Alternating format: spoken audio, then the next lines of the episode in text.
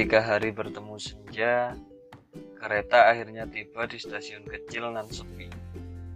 Kotak-kotak permen coklat diturunkan di sana, sementara kereta api meneruskan perjalanan, bergerak memasuki padang rumput berangin yang sudah mulai gelap sambil terbatuk-batuk memuntahkan kepulan asap.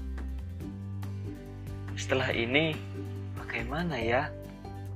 Sang malaikat permen coklat bertanya-tanya dalam hati, setengah pasrah dan setengah penasaran. Segera setelah itu, kotak besar berisi ratusan permen coklat tersebut dibawa ke warung jajan di kota itu. Mungkin karena langit mendung, tidak banyak terlihat orang lalu lalang di kota tersebut sejak matahari terbenam. Sang malaikat pun bertanya-tanya cemas, Jangan-jangan ia akan berada di kota sepi itu berhari-hari, bahkan lebih lama. Pasti bosan sekali kalau sampai begitu, pikirnya. Ratusan malaikat yang tergambar pada kotak permen coklat pasti memiliki lamunan masing-masing. Ada yang ingin cepat-cepat terbang ke langit biru, ada pula yang ingin kembali ke langit setelah menjalani nasib terakhir mereka. Pastinya, malaikat yang akan menjadi fokus cerita ini adalah salah satu dari sekian banyak malaikat itu. Pada suatu hari, seorang lelaki datang sambil menarik gerobak.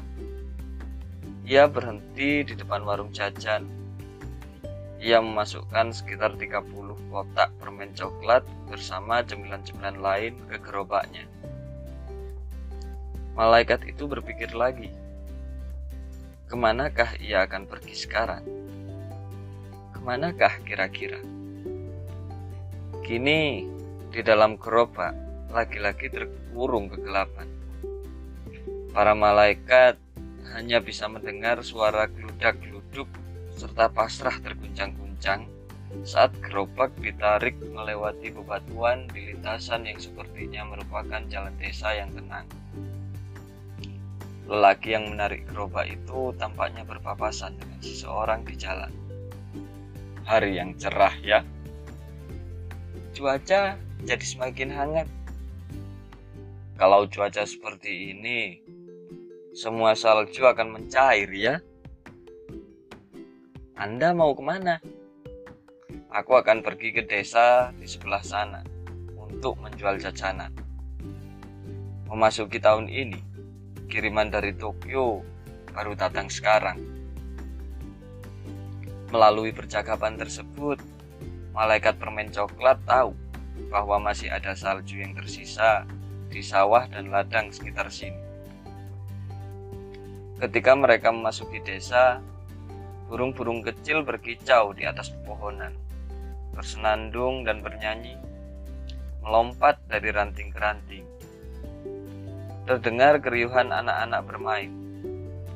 Tiba-tiba gerobak pun berhenti.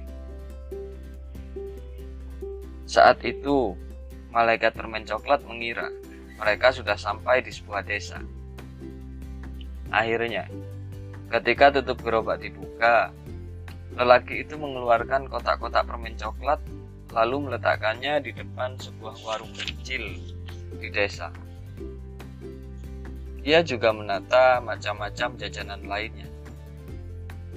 Nyonya pemilik warung mengambil sekotak permen coklat sambil berkata, "Semua permen coklat ini 10 sen kan? Kalau ada yang 5 sen, minta yang itu saja." Permen 10 sen susah laku di sekitar sini. Cuma punya yang 10 sen. Kalau begitu, saya titipkan 3-4 kotak saja ya. Tanya lelaki muda yang menarik gerobak itu. Taruh tiga saja, kata pemilik warung. Hanya tiga permen coklat yang dititipkan di warung ini. Sang nyonya memasukkan tiga kotak permen coklat ke stoples kaca besar, lalu memajangnya di tempat yang mudah dilihat dari luar. Lelaki muda itu menarik gerobaknya pergi. Mungkin ia hendak melanjutkan perjalanan ke desa lain. Permen coklat yang dibuat di pabrik yang sama, naik kereta yang sama, dan sampai sejauh ini nasibnya sama. Harus berpisah di tempat yang tak mereka kenal. Malaikat-malaikat ini tidak mungkin bisa bertatap muka lagi di dunia ini. Mereka harus terbang ke langit biru suatu hari nanti untuk saling bercerita tentang nasib yang telah mereka lewati. Dari dalam stoples kaca, sang malaikat memandang sungai kecil yang mengalir di depan warung. Cahaya matahari berkilauan pada permukaan air. Lalu, akhirnya, matahari pun terbenam. Malam di desa masih dingin dan sepi. Namun saat fajar tiba, burung-burung kecil menghampiri barisan pepohonan dan berkicauan di sana. Hari itu pun cuaca sangat indah. Gunung-gunung di sekitar sana berkabut. Anak-anak bermain di depan warung. Saat itu, malaikat permen coklat membayangkan anak-anak membeli permen coklat, membuang dirinya ke sungai, Lalu ia akan hanyut ke sela-sela kaki gunung berkabut menjauh di sana itu. Akan tetapi, seperti yang dikatakan sang nyonya, anak-anak petani tidak mampu membeli permen coklat seharga 10 sen. Musim panas pun tiba. Burung layang-layang terbang kemari. Sosoknya yang mungil terpantul pada permukaan air sungai. Ketika matahari masih tinggi, seorang musafir datang ke toko dan beristirahat. Kemudian, ia bercerita tentang banyak hal. Namun, tidak ada yang membeli permen coklat dalam rentang waktu tersebut. Jadi, malaikat itu tidak bisa naik ke langit atau berkelana ke tempat lain Hari berganti bulan, stoples kaca jadi kotor dan berdebu. Permen-permen coklat pun melewati hari-hari yang muram. Tak lama, udara dingin kembali datang. Salju mulai turun ketika musim dingin tiba. Malaikat itu akhirnya bosan dengan kehidupan pedesaan. Namun ia tidak bisa berbuat apa-apa Cerita ini adalah cerita ketika telah genap setahun berlalu semenjak ia diletakkan di warung ini. Seorang nenek sedang berdiri di depan warung. Aku ingin mengirimkan sesuatu untuk cucuku. Adakah jajanan yang enak? Tanya sang nenek. Kami tidak punya permen mewah di sini, Nek. Kami ada permen coklat. Apakah berkenan? Jawab pemilik toko. Tunjukkan permen coklat itu. Ujar sang nenek yang menggunakan tongkat dan mengenakan dudung hitam. Mau dikirim ke mana? Aku berniat mengirimkan permen itu bersama Mochi kepada cucuku di Tokyo. Sahut nenek itu. Tapi permen coklat ini dari Tokyo, Nek. Tidak peduli. Yang yang penting niatnya. Aku minta permen coklat itu. Tuturnya. Lalu nenek itu membeli ketika kotak permen coklat. Malaikat itu bersuka cita mendengarnya. Ia tak menyangka akan kembali ke Tokyo. Malam keesokan harinya, kotak permen bergoyang-goyang di dalam kereta barang yang gelap, melaju kencang di rel yang sama dengan setahun lalu. Kali ini menuju kota. Saat fajar tiba dan hari menjadi terang, kereta itu tiba di stasiun kota. Siang harinya, sebuah bungkusan kecil dikirimkan ke rumah yang dituju. Ada bingkisan datang dari desa.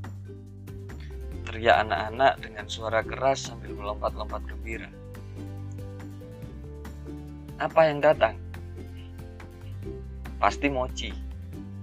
Ucap sang ibu sambil melepas tali bingkisan, lalu membuka tutup kotak. Di dalamnya memang terdapat kue mochi yang dibuat di desa.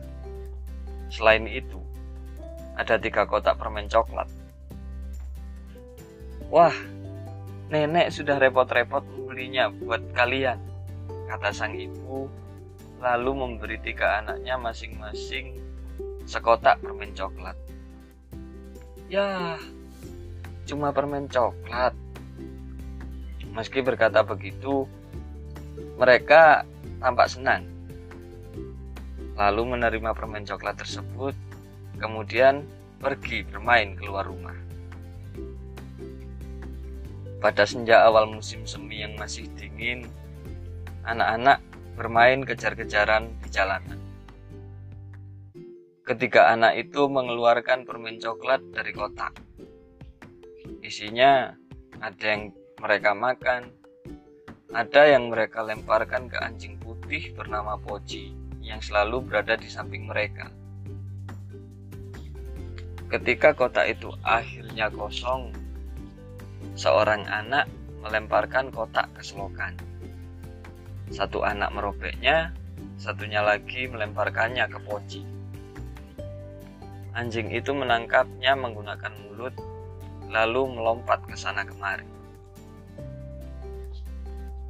Warna langit benar-benar biru, warna yang penuh kenangan masih terlalu awal bagi beraneka bunga untuk mekar.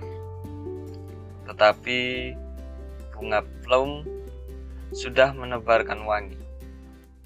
Dalam senja yang damai, tiga malaikat naik ke langit biru. Salah satu dari mereka memandangi langit kota di kejauhan, seolah mengenang sebuah cerita yang terjadi di bawahnya. Ada banyak cerobong yang mengepulkan asap hitam.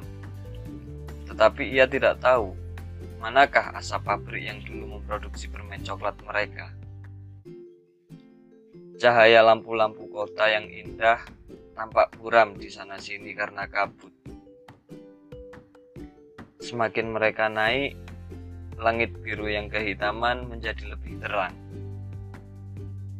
Tepat di depan mata mereka, bintang-bintang bersinar indah.